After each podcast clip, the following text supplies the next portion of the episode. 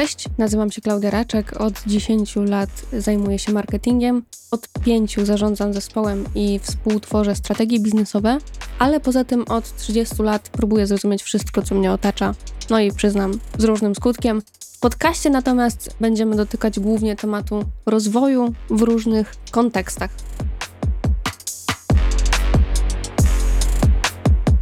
I tematem pierwszego merytorycznego odcinka, oby, jest prokrastynacja. Mam nadzieję, że to dobrze wypowiadam i e, nie okaże się po całym nagraniu, że mówiłam pokastrynacja albo prokastynacja. Prokrastynacja. Dlaczego ten temat? Do podcastu sama przymierzałam się już jakiś rok temu do, do nagrywania, bo na co dzień jednak słucham sporo podcastów, głównie zagranicznych, ale w naszym rodzimym języku również. Nagrałam nawet dwa pierwsze odcinki w zeszłym roku. Wysłałam to do przyjaciół, oczekiwałam feedbacku, który dostałam. Był całkiem niezły, pewnie dlatego, że po prostu ci ludzie są dla mnie życzliwi. Natomiast przerósł mnie chyba cały ekosystem podcastowy. Postprodukcja, montaż, e, to, że trzeba dograć jakąś e, muzykę. I o ile to nie jest trudne narzędziowo, ja też z montażem bardziej jednak e, wideo miałam styczność, to na pewno jest to bardzo czasochłonne i myślę, że to było dla mnie kłopotem. Z drugiej strony bardzo słyszałam w tych nagraniach taką niepewność w głosie i w zasadzie stres w ogóle przed mikrofonem, że, że wow, to się nagrywa, ktoś tego będzie słuchał, czy ja nie wygaduję głupot, a w stresie to oczywiście nie brzmiało to tak, jak, jak bym chciała. Natomiast to, co się później wydarzyło, to to, że wykładałam e, pół roku na uczelni, miałam kilka większych szkoleń, pojawiałam się też gościnnie w innych podcastach i dopiero wtedy zyskałam tę swobodę mówienia do mikrofonu i brak stresu przed tym, że po prostu ten głos się nagrywa. Jest to dziwne, ale, ale chyba też e, normalne. Zaczęliśmy też nagrywać w międzyczasie taki nasz wspólny podcast z Pawłem, z efektu synergii w biznesie. To jest nazwa, nazwa podcastu, który też Wam polecam. Prowadzony właśnie przez Pawła Pachowicza, Adriana Micka.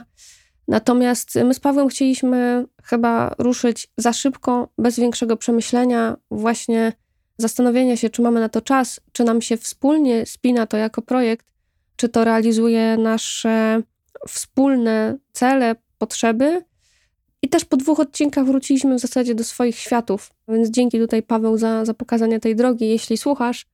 Natomiast yy, też weszliśmy za szybko i być może w tym kontekście prokrastynacja z naszej strony i poczekanie, nie płynięcie na tej fali, że w tych odcinkach, które nagraliśmy wcześniej, takich gościnnych właśnie w efekcie synergii w biznesie, no to, no to po prostu wymagało to może większego przemyślenia, przygotowania, zastanowienia się.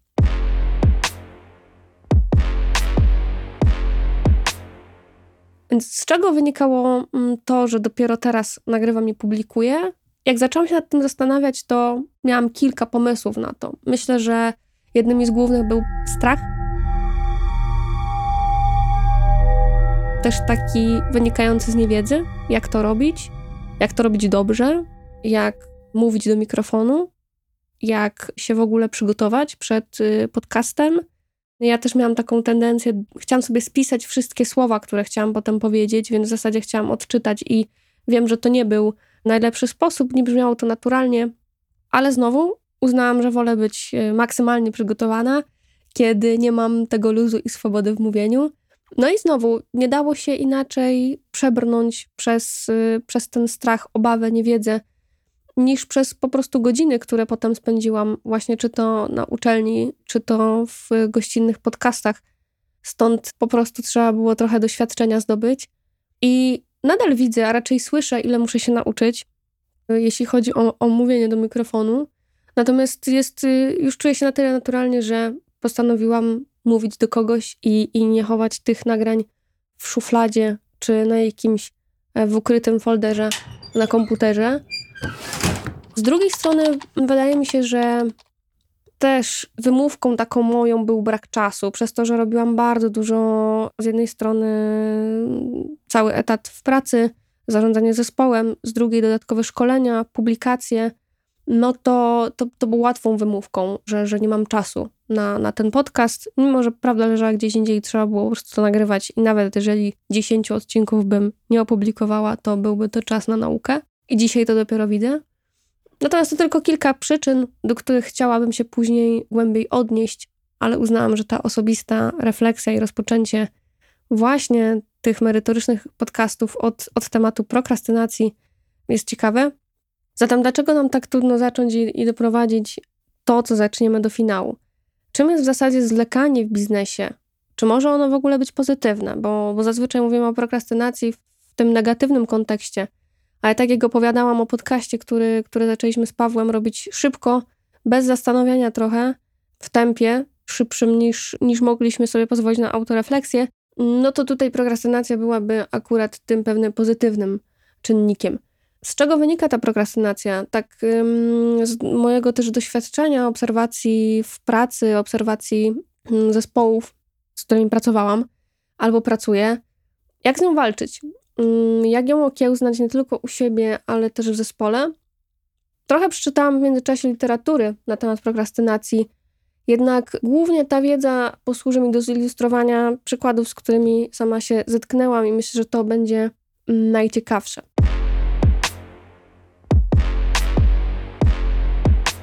Zatem do meritum. Jeśli chodzi o zwlekanie w biznesie, wydaje się, że jest najwięcej ty tych negatywnych czynników. Zacznę jednak od tych pozytywnych, o których udało mi się pomyśleć. Właśnie, jednym z takich czynników może być to, że unikamy pochopnych decyzji. Na przykład, przy, przykład z podcastem jest tutaj dobry, ale z drugiej strony możemy w ramach tego, że się czymś zainspirujemy, przeczytamy jakiś artykuł, posłuchamy jakiegoś influencera, możemy próbować atakować nowy rynek bez zastanowienia, na przykład. Próbować zbyt szybko robić pewne kampanie bez przygotowania, bez researchu, z pominięciem tych faz, które jednak przy tworzeniu e, nowych produktów, usług czy w marketingu, tworzenia kampanii, no jednak są przydatne. Pewnych rzeczy nie jesteśmy w stanie przewidzieć, ale sporo możemy wyestymować, możemy zobaczyć, co robi konkurencja, jak to robi, jakie są stawki, i, I tutaj jakby wchodzenie tak trochę, brzydko mówiąc, na pałę w nowe rynki może być y, bolesne, tak? I to możemy przewidzieć na samym początku bardzo szybko, że, że jednak nie warto w ten sposób działać. Brak konsultacji ze specjalistami, tak? Czyli wchodzenie znowu w rzeczy, na których się nie znamy, o których mało wiemy, albo w których brakuje nam doświadczenia, bo nam się wydaje, że coś zadziała, i tutaj na pewno warto, warto jednak się skonsultować z różnymi osobami, które, które mogą nam pokazać drogę, bo często te osoby powiedzą od razu, że ok, z ich doświadczenia dziesięcioletniego nasz pomysł ma 2% szans na zadziałanie. No i wtedy wiemy, że ok, to dość mało i możemy pomyśleć nad czymś, co faktycznie może być efektywne. Z drugiej strony, pozytywnym aspektem prokrastynacji, o której yy, pomyślałam, to są spory. Spory, awantury, konflikty. Yy, nie tylko w pracy, w życiu prywatnym. Myślę, że też warto wtedy sobie przeczekać, ochłonąć i, i zastanowić się, jak chcielibyśmy zareagować. Nie wchodzić w te mocne emocje od razu.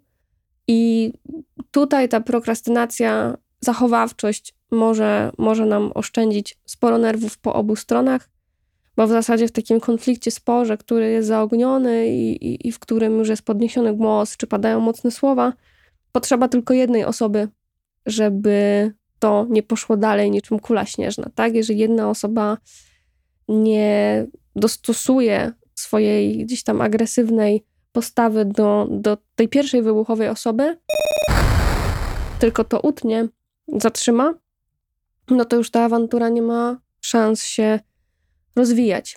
Więc myślę, że, że tutaj y, po każdej stronie jest ta odpowiedzialność za, za zatrzymanie konfliktu. Kolejnym aspektem myślę, że, że są takie ważne decyzje w karierze, ale też w życiu prywatnym. W karierze myślę o decyzjach o awansach, zwolnieniach. Analogiczne historie są, są oczywiście w życiu prywatnym. Ja myślę, że Tutaj też prokrastynacja może się w jakimś stopniu przydać, kiedy zyskamy trochę czasu na zastanowienie się, ochłonięcie i oczywiście to też mm, przy okazji daje nam ten raz, że czas do namysłu, a dwa, zasięgnięcie opinii innych osób, a z trzeciej strony liczy się tutaj ten gut feeling, bo na początku dostając świetną propozycję pracy za dużo większą stawkę, możemy myśleć tylko o, jakby o krótkim terminie tej decyzji, czyli ok, będę, będę tutaj na tym poziomie sobie zarabiać taką a taką kwotę więcej, tylko że wtedy y, mamy niewyostrzony fokus na, na to, co się dzieje w tle. Czy ta organizacja jest dla mnie ok, czy ja będę pracować z odpowiadającym mi zespołem, szefem, czy tryb pracy mi odpowiada. Więc znowu w takich dość istotnych kwestiach w pracy myślę, że warto sobie zawsze dać chwilę na zastanowienie, zebranie odpowiedniej ilości danych, przyjrzenie się różnym aspektom. I no ja zazwyczaj też, też lubię porozmawiać o tych ważnych kwestiach, bo zazwyczaj inne osoby mają inny punkt widzenia albo potrafią zwrócić uwagę na coś, czego, czego ja w początkowym etapie nie widziałam, bo, bo czasem to zamroczenie i rozemocjonowanie może blokować e, racjonalne myślenie. No i takim kolejnym aspektem e, pozytywnego zwlekania myślę, że jest na przykład startowanie projektów z klientami. I mm, ja pracując y, w różnego rodzaju agencjach, czy freelancersko podejmując się wyzwań, mm, projektów dodatkowych, miałam często taki gut feeling, takie poczucie strzewi, że ten klient, ta osoba, ten projekt jednak nie powinnam się w niego angażować. I niestety zazwyczaj potem okazywało się, że, że miałam rację i że to poczucie, intuicja mnie nie zawodziła, a ja dlatego, że nie wiem, firma była fajna, projekt wydawał się ok, mimo tego, że się upewniałam werbalnie, racjonalnie z danym klientem, że będzie X, Y, Z i zrobimy to, to w sposób taki, jak proponuję, to to, co ta osoba mówiła, albo to, w jaki sposób niewerbalnie przekazywała swoje mm, myśli, intencje, to to mi zasiewało takie ziarenko y, niepokoju i powinnam tego posłuchać. I tu znowu ta prokrastynacja w takim momencie, że okej, okay, potrzebuję chwili na zastanowienie, muszę sobie y, sprawdzić kalendarz chociażby, bo, bo to też moja taka przypadłość zawsze była, że brałam na siebie więcej niż, niż mogłam, niż powinnam, żeby, żeby też w jednak kreatywnej pracy, którą wykonuję, mieć chwilę dla siebie, mieć chwilę na pomedytowanie, taki intelektualny odpoczynek, bo inaczej można gonić w piętkę i, i skutki nie będą takie, jak, jak mogłyby być przy jednak balansowaniu pracy i relaksu, trochę jak u sportowców, tak, że musi być zbalansowany ten czas na ostry wysiłek, na lekki wysiłek, no i też regeneracja czy sen, które są ważne. W biznesie jakoś o tym łatwo zapomnieć i, i się dojeżdżać, pracować za długo, bez odpoczynku, więc, więc trochę podejście jak sportowców do swoich działań, którzy mają to zmierzone, że to jest wtedy bardziej efektywne, jest mm, lepsze.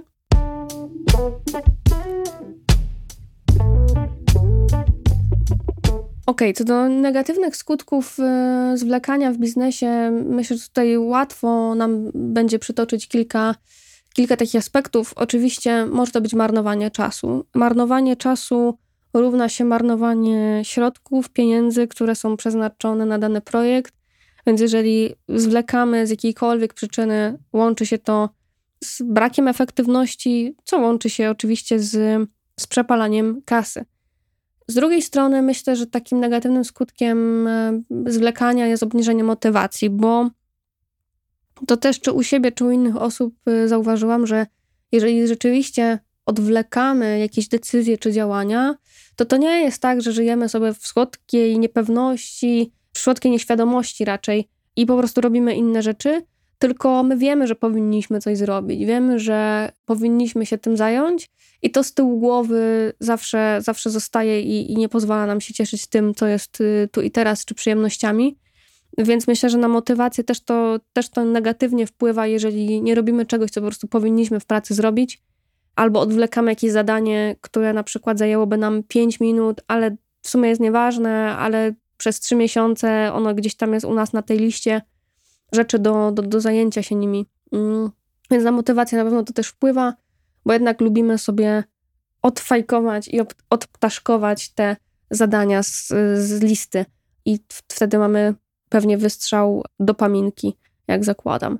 Negatywnym aspektem zwlekania jest też brak rozwoju, bo znowu każde działanie, które wykonujemy, jeżeli je robimy też refleksyjnie, zastanawiamy się, czy, czy zrobiliśmy je najlepiej, jak potrafimy, skutkuje tym, że widzimy przestrzenie do poprawy, widzimy obszary, które moglibyśmy zrobić lepiej, i to, to też wpływa na nasz rozwój. Jeżeli zwlekamy i robimy coś potem tylko po to, żeby, żeby nie wiem, zmieścić się w deadline, w terminie, na który, który ustaliliśmy z klientem czy, czy z osobami zespołu, to też ten efekt nie jest taki, jaki, jaki chcielibyśmy i też się niewiele na tym uczymy. Co z tym związane też, to brak motywacji czy, czy demotywacja innych osób, bo jeżeli w zespole widzimy, że jedna czy dwie osoby prokrastynują, że, że nie dostarczają tego, na co się zobowiązały w odpowiednim terminie, no to raz, że cały projekt stoi, co demotywuje też innych, a dwa, może to być takie poczucie, że okej, okay, no ja wywiązuję się ze, swojego, ze swoich obowiązków w odpowiednim czasie, a ktoś tego nie robi, tak? I, I to może być też demotywujące i wpływać na to, że ktoś może sobie pozwalać na więcej niż inne osoby. I jeszcze jednym takim czynnikiem, który, który jest na pewno negatywny w prokrastynacji, to jest ten stres związany z tym, że powinniśmy, wiemy, że powinniśmy coś zrobić, powinniśmy zjeść tę żabę. Tu małe odwołanie do, do książki Zjedz tę żabę Briana Tracy'ego. Więc wiemy, że powinniśmy się zająć tym najważniejszym zadaniem, które nam, nam wisi, ale tego nie robimy, więc to jest tutaj z tyłu głowy w zasadzie przy okazji motywacji. O tym też wspomniałam.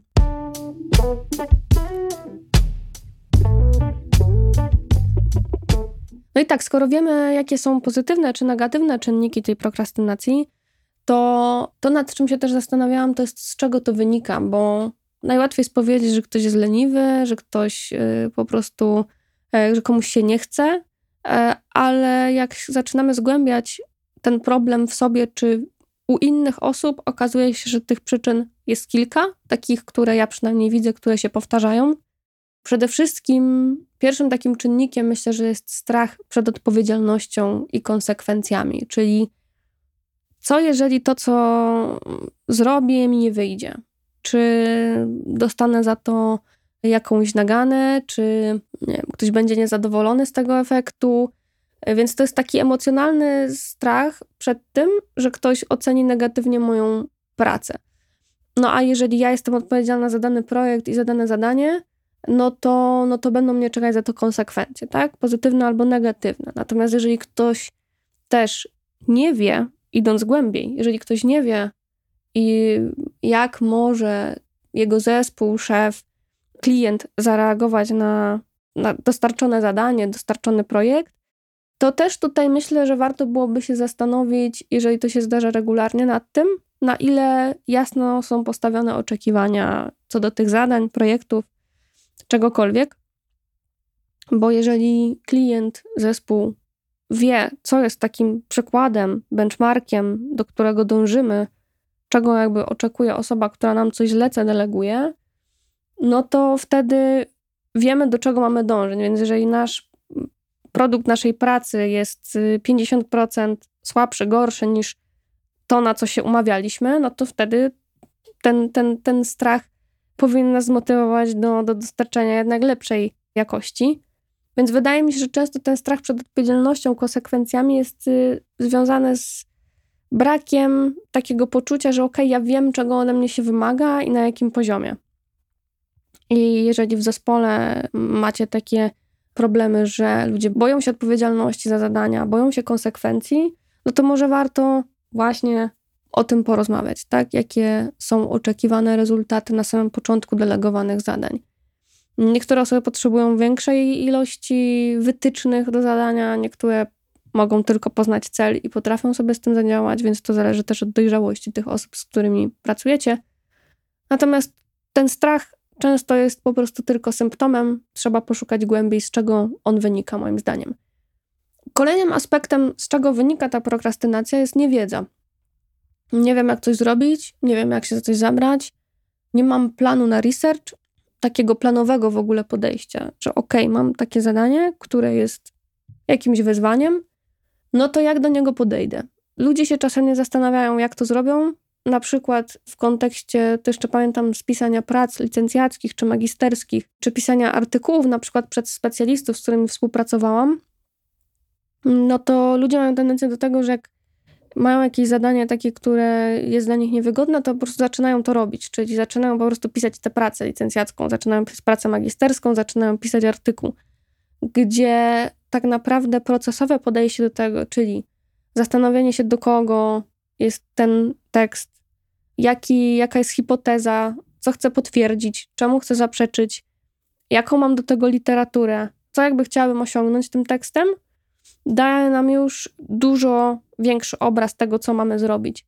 Rozpisanie sobie artykułu czy takiej pracy magisterskiej w podpunktach, ok, wstęp, rozdział pierwszy, drugi, trzeci, co który z nich ma udowodnić, co ma który pokazać, rozpisanie w podpunktach, jakich książek do tego użyję, jakie hipotezy chciałabym poruszyć, jakie mam dane, no to znowu takie narysowanie, tak jak trochę myślę teraz o sztuce, narysowanie sobie szkicu tego, co, co potem mam wypełnić akwarelami czy innymi farbami, daje nam znowu poczucie takiego bezpieczeństwa, że my wiemy, dokąd zmierzamy. A jeżeli jeszcze ustalamy sobie takie punkty styku z osobami, którym mamy to dostarczyć, czy to jest klient, czy to jest wykładowca, promotor pracy, czy to jest copywriter, z którym współpracujemy, to takie na bieżąco rozmawianie o, o kolejnych iteracjach, o kolejnych wersjach tego, draftach, które przygotowujemy, znowu nam daje to bezpieczeństwo, że my idziemy w dobrym kierunku, że nie zajmujemy się, nie zjadamy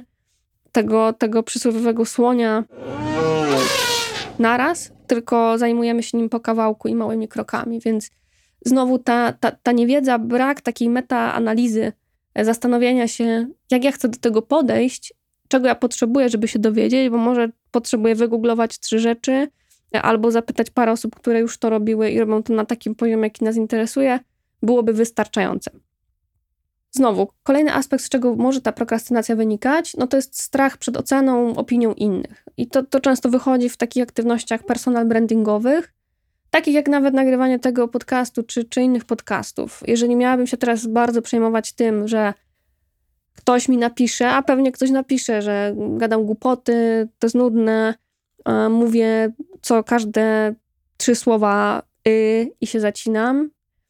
To jest akurat prawda i pracuję nad tym, ale nie dam rady z tym popracować inaczej niż poprzez doświadczenie i godziny wygadane przed mikrofonem, więc staram się i może kiedyś za 10 odcinków będę w miejscu, w którym chciałabym być, żeby tych odgłosów myślenia było mniej. Jednak, jeżeli miałabym właśnie być przerażona, że, że ktoś, ktoś powie, że mu się to nie podoba, no to wtedy bym nie nagrała niczego. I e, z drugiej strony liczę na to, że jeżeli trafią się nawet dwie osoby, które powiedzą: OK, temat prokrastynacji mogłam sobie dzięki tobie, czy mogłem rozkminić też w, w moim przypadku, czy w przypadku mojego zespołu, podrążyć trochę ten, ten problem, który widzę, no to już dla mnie to będzie sukces. Więc, yy, więc znowu to jest postawienie takiej mo, może niskiej poprzeczki póki co, co dla mnie, natomiast yy, nie chcę się zniechęcać i nie chcę się bać, tak? Więc, więc ten, ten strach przy personal brandingu widać bardzo, kiedy ktoś ma się nim zająć i nagle ma po prostu przedstawić swoją opinię na jakiś temat, ma coś napisać, ma skomentować jakiś artykuł, tezę, no i tutaj często zaczyna się takie wycofanie, że okej, okay, to jakby ja nie chcę nic tutaj powiedzieć, bo, bo może się okazać, że ktoś ma inne zdanie, co akurat mm, ja też, ja też kiedyś to czułam, natomiast teraz myślę, że kulturalne wyrażenie swojej opinii jest też zaproszeniem do posłuchania innej opinii. I ja to uwielbiam, jak zmieniam zdanie mm, przez to, że ktoś ma inny komentarz, in, pokaże mi inne źródła, inne dane, inne argumenty, ma inne doświadczenia i ja wtedy mogę się czegoś nauczyć.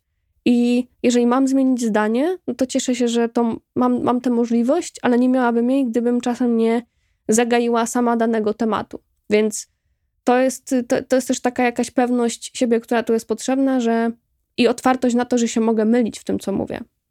I, i, I z tym też trzeba się pogodzić, jak się wypowiadamy bardziej publicznie, że to się może wydarzyć i to przyjąć jako, jako coś normalnego.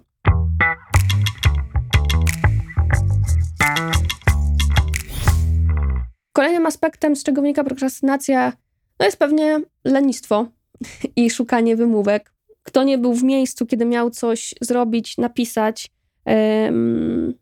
przygotować do pracy, a potem ostatecznie mył okna, sprzątał, kiedy, kiedy miał się zająć e, jakby pracą, no to niech pierwszy rzuci kamieniem. Myślę, że wszyscy tam byliśmy kiedyś gdzieś. I to szukanie wymówek jest standardowe. I teraz znowu py pytanie jest takie, na ile my jesteśmy w stanie sami zwrócić na to uwagę samym sobie, że okej, okay, no szukam wymówki, nie? może się jednak zajmę mm, tym, czym miałam i potem sobie umyję te okna i posprzątam, e, a nie odwrotnie. I, I właśnie to lenistwo, szukanie wymówek często się łączy z brakiem czasu, że próbujemy sobie powiedzieć, że no nie mam na to czasu, nie mam na to siły, nie mam na to energii. Natomiast y, dla mnie to jest często, y, często właśnie wymówka, a z drugiej strony być może zadanie, którym się zajmujemy, ma za mały priorytet, bo nie tłumaczymy sobie, że nie mamy czasu wieczorem na umycie zębów, pewnie, prawda? Nie tłumaczymy sobie, że nie mamy czasu zjeść. Wiadomo, jeżeli to się dzieje, no to jest to jakieś zachowanie y, patologiczne, wymagające zastanowienia się co jest dla nas priorytetem.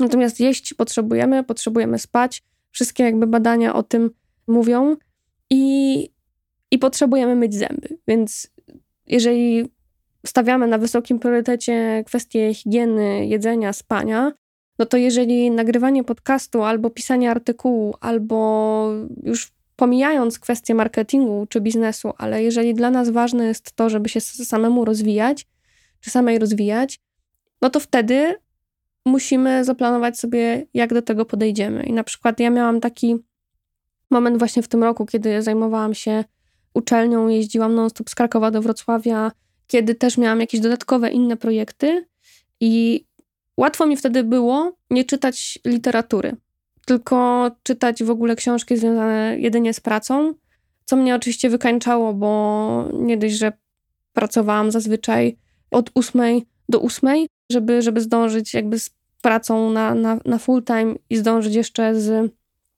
przygotowaniem się do uczelni i z uczelnią i nadrobić te wszystkie godziny, to jeszcze do tego czytanie tylko takie rozwojowe do pracy, książek, które mi służyły jako taka literatura wspomagająca mnie o dane, wiedzę, jakby doświadczenie specjalistów, no to znowu było wysiłkiem intelektualnym. I mi na jakiś czas to czytanie w ogóle zbrzydło.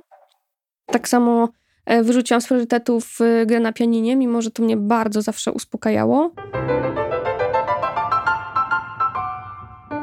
No ale tłumaczyłam sobie tak, że nie mam czasu, muszę pracować i, i, i to takie, taki kierat pracy, skupienie wszystkiego wokół pracy mm, doprowadziło mnie do momentu, w którym byłam wypalona, przemęczona i i tak nie mogłam efektywnie pracować i tak nie mogłam dostarczyć takiej jakości pracę, jaką bym mogła, jaką bym chciała, gdybym poświęciła jednak te 10 minut dziennie na grę na pianinie albo pół godziny na czytanie czegoś innego, co nie jest pracą. I to były takie moje, moje też rozkminy, że jeżeli coś jest dla mnie ważne, tak jak nie wiem, sport, nie chcę już wchodzić jakby w szczegóły jaki, ale jeżeli to jest dla mnie priorytet, żeby się dobrze czuć psychicznie, fizycznie, no to nie ma opcji. Po prostu to trafia do kalendarza i ja to robię, mimo że jestem zmęczona, mimo że mam inne zadania, bo po prostu wiem, że bez tego ja nie pójdę dalej. Znowu wracając do sportowców, jeżeli się nie zregeneruję, no to nie będę y, najlepsza na tym boisku metaforycznym. Więc, więc kwestia priorytetów, jeżeli coś jest dla nas ważne, chcemy coś robić regularnie, po prostu musi to trafić na listę priorytetów i, i, i tyle, a może coś powinno z tego wypaść.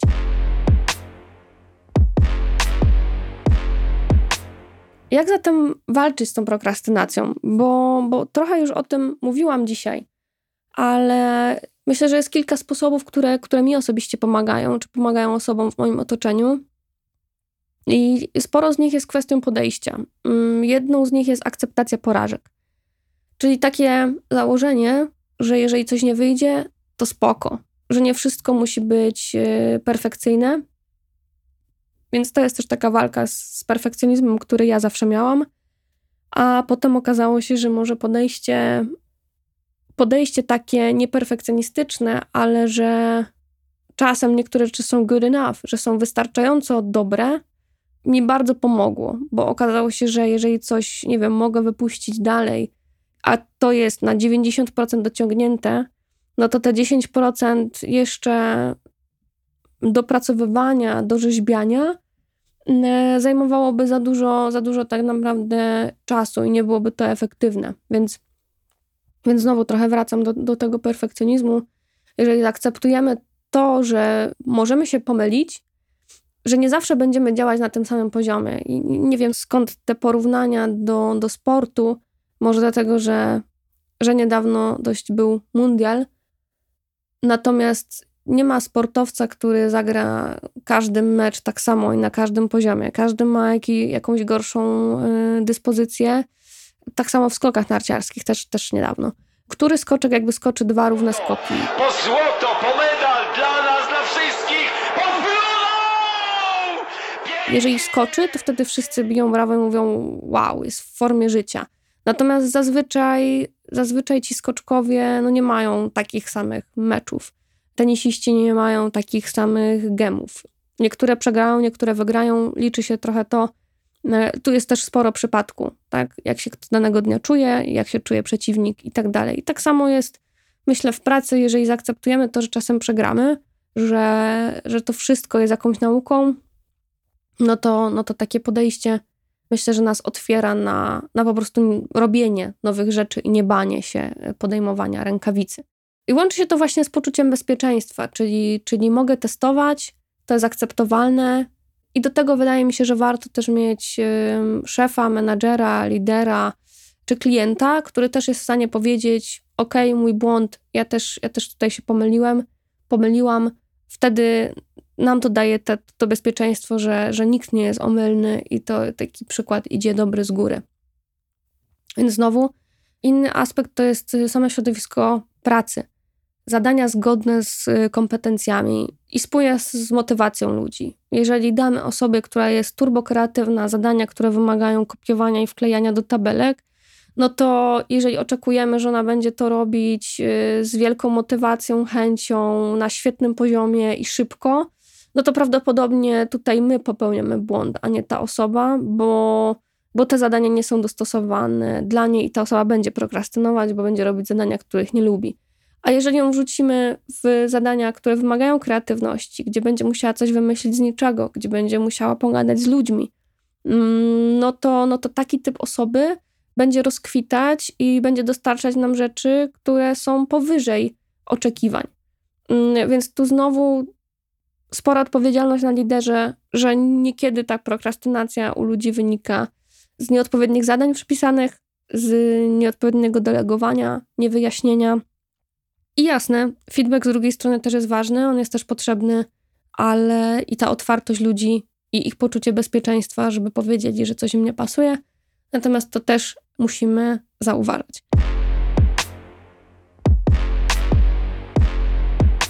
Też w prokrastynacji myślę, że pomóc może odpowiednie zarządzanie projektowe. Mm, jeżeli pracujemy w sposób transparentny, cały zespół wie, kto ma jakie zadania przypisane, na jakie terminy się zobowiązujemy, no to też nawet jeżeli ja bym chciała sobie poprokrastynować, jeżeli zobowiązałam się do czegoś na dostarczenie na poniedziałek, bo wiem, że ktoś na to czeka, a w piątek miałam słabszy dzień i nie wiem, migrenę i pół dnia przespałam, no to w tym momencie dużo większą mam motywację do tego, żeby usiąść, nie wiem, w weekend albo w poniedziałek o 5 rano, żeby coś mm, dostarczyć. I jasne, to są skrajne przykłady, o których mówię, natomiast mi się zdarzało w taki sposób też pracować. Ważniejsze było dla mnie to, żeby coś dostarczyć, niż szukać sobie jakichś wymówek. Mm, natomiast właśnie to takie zarządzanie, odpowiedzialność, zobowiązanie się co do terminów i przy innych osobach też nas trzyma w jakichś ryzach. Jeżeli wszyscy wiemy, dokąd zmierzamy i co robimy, zdarzało mi się pracować w zespołach, w których każdy sobie robił swoje, w tempie, które, które było dla niego indywidualne, nie było to zgrane i, i tutaj łatwiej było, było też prokrastynować. Myślę, że ważna też w prokrastynacji jest ta motywacja wewnętrzna, taki po prostu pęd, chęć do zdobywania wiedzy, który każdy z nas ma, ma pewnie na, w różnych obszarach i to zależy, myślę, od każdej z nas, od każdego z nas, y, na ile my w pracy szukamy stanowisk, zadań, które są zgodne z tym, co my chcemy robić, co my lubimy robić w obszarach, w których chcemy się rozwijać. Jeżeli to znowu się nie spina, jeżeli to jest y, rozbieżne, no to ciężej nam będzie z, z taką motywacją do działania sprawnego. Z kolejnych rzeczy myślę, że warto wiedzieć, jak y, nasze zadania, jak nasza praca ma wpływ na cele organizacji. I znowu tutaj y, kwestia doceniania myślę, że jest ważna, ale też takiego pokazania ciągu przyczynowo-skutkowego, że moje zadania wpływają na X, to X wpływa na Y, Y wpływa na Z i ostatecznie na przykład, jeśli chodzi o marketing i sprzedaż, mamy tylu a tylu klientów, którzy przyszli za taką a taką kwotę do nas i takie pieniądze zostawiają na co dzień, co pozwala jakby tej firmie się rozwijać, co pozwala też jakby każdemu pracownikowi w tej firmie się rozwijać. Więc znowu pokazanie tego wpływu na organizację, na inne osoby jest tutaj kluczowe. I w kontekście marketingu i współpracy na przykład copywriterskiej z, ze specjalistami, programistami, zazwyczaj to, ja to zauważyłam też, też y, w trakcie współpracy z nimi, że jeżeli ja im pokazałam, że okej, okay, to nie jest tak, że poświęcacie ten, ten wolny czas na pisanie do szuflady i tylko na nasz blog, ale ten blog potem jest y, częścią, ten artykuł jest częścią danej kampanii. Jeżeli ta kampania będzie właśnie nasycona takimi e, merytorycznymi treściami, no to wtedy my możemy łatwiej konwertować te osoby i je przekonywać do złożenia zapytania o nasze usługi, co ostatecznie wraca do tej osoby jako, jako po prostu projekt, jako albo ciekawy projekt, albo po prostu jako projekt, który może realizować i, i w tej pracy jest dla niej sens i miejsce i zadania. Więc znowu po, pokazywanie tego też jest tutaj częścią yy, motywującą. Mamy też, myślę, yy, wiele narzędzi, które mogą nam pomagać tej prokrastynacji, w zarządzaniu takim projektowym. Myślę, że w środowiskach szczególnie programistycznych, działanie w Scrumie, czy, czy też, ale też w Kanbanie nam na, na pewno w tym pomoże. Warto mieć też wyznaczone cele, terminy wykonania, jakby procesy, co ode mnie do kogoś trafia, w jakim czasie to musi trafić, żeby ktoś też miał co robić, żeby ten łańcuch dostarczania, mówiąc brzydko, był, był ciągły, nie miał przestojów, więc sama organizacja pracy mm, jest, jest tutaj ważna. Z drugiej strony prostymi narzędziami jest na przykład Pomodoro, technika Pomodoro, czyli ustawianie sobie fokusu. To chyba zazwyczaj jest na 20 minut, czyli 20 minut takiego mm, po prostu na, na dane zadanie bez rozpraszania się, taki, takiego deep worku. Ja zazwyczaj sobie to ustawiam na 40 albo 45 minut. 20 to często na, na moje zadania jest, jest po prostu za krótko, ale faktycznie daję sobie na przykład, ok, to teraz mam takie zadanie 40 minut bez telefonu, bez maila, bez slacka, bez jakiegokolwiek innego narzędzia. Robię tylko to i robię to w danym tempie, do którego się zobowiązuję bez, bez tych rozpraszaczy, bo myślę, że one są też dużym czynnikiem na co dzień, który, który nam przeszkadza w rozpoczynaniu zadań, ale też ich kończeniu. Mm, są metody z książek typu Getting Things Done, które też są jak najbardziej przydatne dla niektórych. U mnie też po, poza Pomodoro, które czasem stosuję, najbardziej skuteczne okazało się w ramach testów, które przez, przez ostatnie lata sobie prowadziłam, żeby, żeby faktycznie z tą prokrastynacją zawalczyć. To jest po prostu tak zwany time boxing w kalendarzu, czyli wrzucanie wszystkiego, co chcę zrobić w danym dniu, w danym tygodniu do kalendarza, po prostu. Więc jeżeli jakiegoś zadania w kalendarzu nie ma, nie ma jakiegoś spotkania, nie ma przygotowania do danego spotkania, no to po prostu ja tego zazwyczaj nie zrobię. A przy czasem 20 spotkaniach w tygodniu, które mam, yy, lub większej ilości, to, to jednak ciężko byłoby po prostu sobie, sobie gdzieś tam nie, nie wypełniać tego czasu który potrzebuje na, na po prostu przygotowanie się do spotkań, przygotowanie jakichś materiałów e, do wypuszczenia, strategii, czegokolwiek innego. I mimo, że to może się wydawać śmieszne, ale również ten czas na sport, na rozrywkę, na czytanie, na pianino, na medytację mam wrzucone w kalendarzu. I też kiedyś myślę, że zbyt krytycznie i ekstremistycznie podchodziłam do tego kalendarza, bo to się łączyło z tym, że jakby dokładnie to, co było, robiłam w danej minucie. Brakowało mi tej elastyczności, przez co no, często byłam niezadowolona i smutna, bo w momencie, kiedy miałam wpisane, wpisaną grę na pianinie, na przykład chciałam bardziej poczytać albo obejrzeć jakiś film.